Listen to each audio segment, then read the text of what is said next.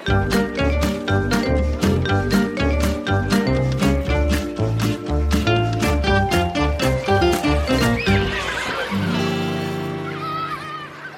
kan lære hjelpe elever til å forstå og håndtere netthat og trusler på internett? Er dette noe elevene må lære seg alene, eller finnes det grep som gjør at fellesskap kan gjøre dette sammen? Ja, velkommen til Lærerrommet, podkasten fra Utdanningsforbundet. Jeg heter Vigdis Alver. Og jeg heter Marius Vik. Vi ønsker velkommen til tredje av i alt fire episoder fra Z-dagene på Lillestrøm, en konferanse om læringsteknologi og innovativ læring. I denne episoden møter du Anna Karin Nyberg og Elsa Dunkels fra Universitetet i Umeå. De snakker om forskning på unges bruk av internett, om maktmisbruk og hatretorikk på internett, og hvilke grep som kan gjøres i skolen for å bekjempe dette.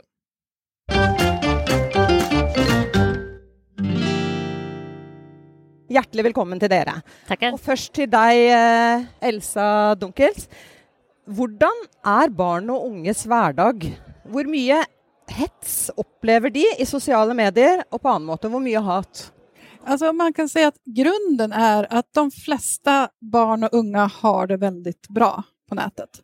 Och det är ju i kontrast mot hur medierapporteringen ofta ser ut. Man kan få för sig att det är mycket värre än vad det är.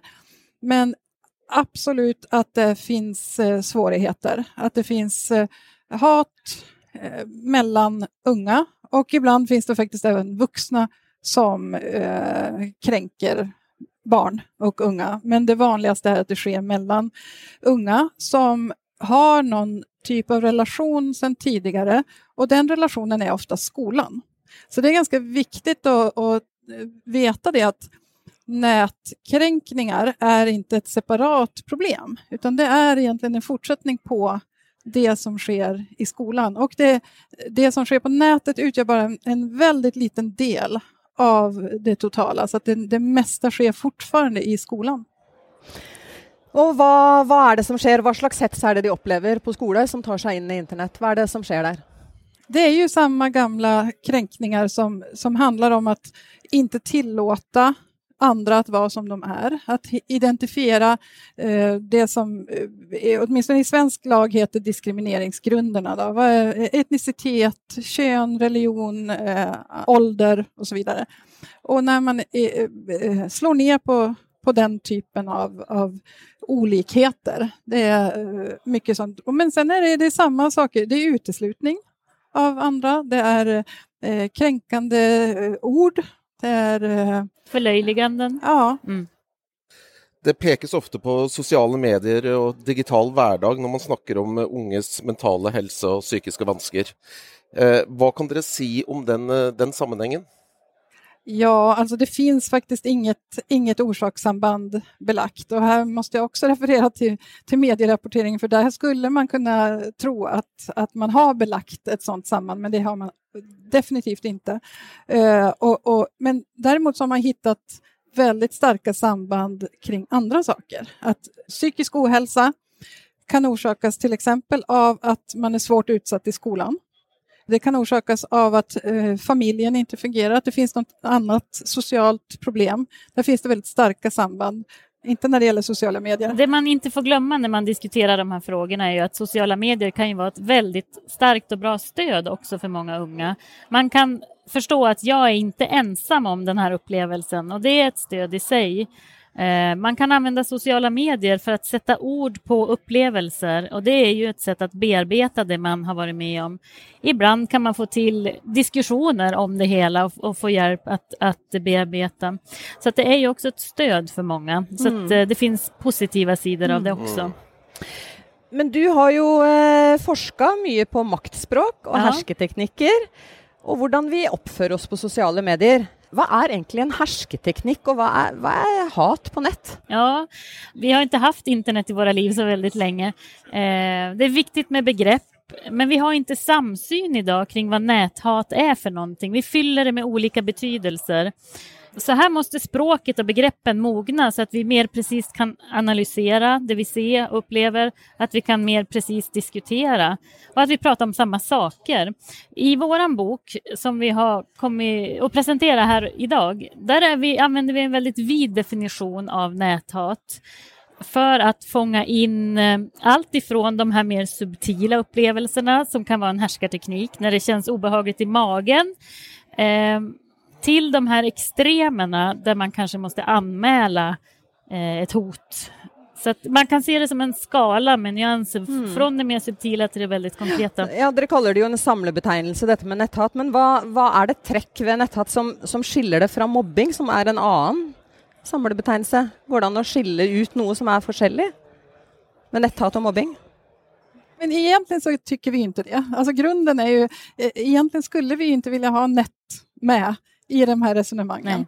Eh, därför att grunden är detsamma. Det är kränkningar som är det, det farliga. Det är hat och hot som är det farliga. Men vi har sett att det finns specifika situationer som inte uppstår när vi träffas så här utan de uppstår specifikt på nätet. Vi har andra redskap som vi kan använda på nätet och nätet innebär ju också en, en potentiell räck, räckvidd.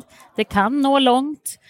Ehm, så att det kan se olika ut, men i grund och botten är det ju samma fenomen det handlar om. Mm. mm. Och de två sakerna är viktiga att balansera. Dels att, att placera problemen där de hör hemma, nämligen i den mellanmänskliga relationen. Mm. Det är det som, är, som ställer till det. Det är där vi måste jobba.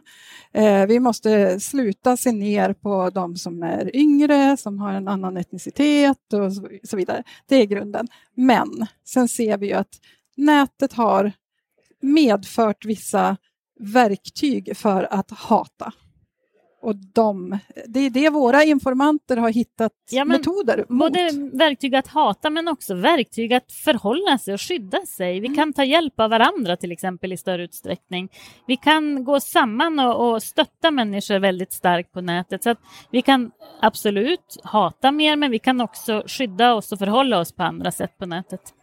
Dere nevnte verktøy, men, men, mye handler vel også om hvordan folk opplever ting. Altså En person som får et bilde eller en tekst, kan oppleve det på en måte, mm. en helt annen måte enn ja. avsender har ment det. Hvor bevisst är ungdomen på den typen nyanser? Jag skulle säga eh, generellt så är unga bättre på det än vuxna. Och det, det är en av våra eh, grundförutsättningar här, att vi, har ju, vi bygger ju våran bok på eh, djupintervjuer med bland annat unga och eh, influencers. influencers. som är vana nätanvändare, verkligen vana nätanvändare. Och du brukar säga någonting med cykel. Till exempel influencers är en grupp som vi förbiser många gånger för vi har väldigt mycket fördomar om att de borde utbilda sig, skaffa något vettigare att syssla med. Men de tränar ju varenda dag. Vem är bäst på att cykla? Den som cyklar varje dag eller den som cyklar någon gång i månaden? Så att vi har väldigt mycket att lära från den gruppen. Dere var inne på det i stad. Dere nevnte skolen som en arena der hvor barn og ungdom møtes, og som er en utspring for dette de opplever på nett. Men hva er det dere tenker at skole og lærere kan gjøre for å mm. hjelpe elever med det de måtte oppleve av vonde ting på nett? Ja, men eh, Många gånger tror jag man fastnar i en idé om att man måste kunna prata teknik väldigt mycket och detaljerat det skolan och vuxenvärlden kan komma med det är ju sin livserfarenhet. Hur vill vi vara mot varandra? Vad är ett schysst klimat? Hur vill vi inte vara med varandra? det kan vi komma med. Det är vårt perspektiv. De mm. unga kan komma med andra perspektiv. Och sen så har, har, blir det ganska tydligt när, när det hamnar på, på nätet att det här handlar inte om att vi ska uppfostra unga att sluta vara onda. Därför att det är bara att titta sig omkring. Hur ser det ut i, på nyhetsmedias kommentarsfält? Hur ser det ut i politikers eh, mailbox och så vidare? Så att det här är ju ett samhällsproblem och det löser vi inte genom att sätta upp punkter för barn. Gör så här, gör så här, gör inte så här.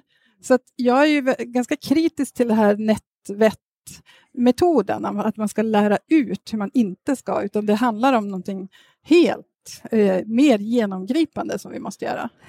Men är det ting dere tänker att lärare kunde gjort lite konkret mer i klassrummet? Eller är det inte det? Ja, jo, men jag tror att det viktigaste är att man har en handlingsplan för skolan. Den handlingsplanen ska innefatta eh, förebyggande arbete, eh, främjande, som vi brukar säga, så att det inte är en sån miljö där där hat frodas. Men också det här identifierande och agerande. Så alla de bitarna måste finnas med och där måste ju eh, näthets finnas med. Det går inte att, att, bara prata om mobbing. Det går inte. Helt till slut så vill jag utfordra er lite. Netthets och näthat är ett väldigt aktuellt tema nu som väldigt många är upptagna av. Om ni ser i kristallkulan hvordan vil det være om 10-15 år? Er vi like bekymra for det og opptatt av det da?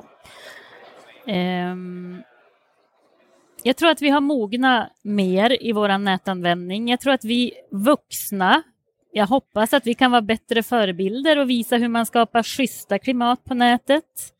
Eh, jag tror att vi kan bli bättre på att mer nyanserat också lyfta fram alla fördelar med, med nätet. Eh, jag tror att vi är mer mogna nätanvändare, absolut. Jag, jag, jag, tror också att vi blir duktigare. Vi använder olika begrepp i den här boken. Att, att eh, vi pratar om kurage på svenska, eller mod. Att stå upp för varandra på nätet. Jag tror att vi har upptäckt hur himla effektiv strategi det är att backa upp varandra. Och då kan vi flytta det ut i rummet också. Ja. Vi behöver inte bara stötta varandra på nätet.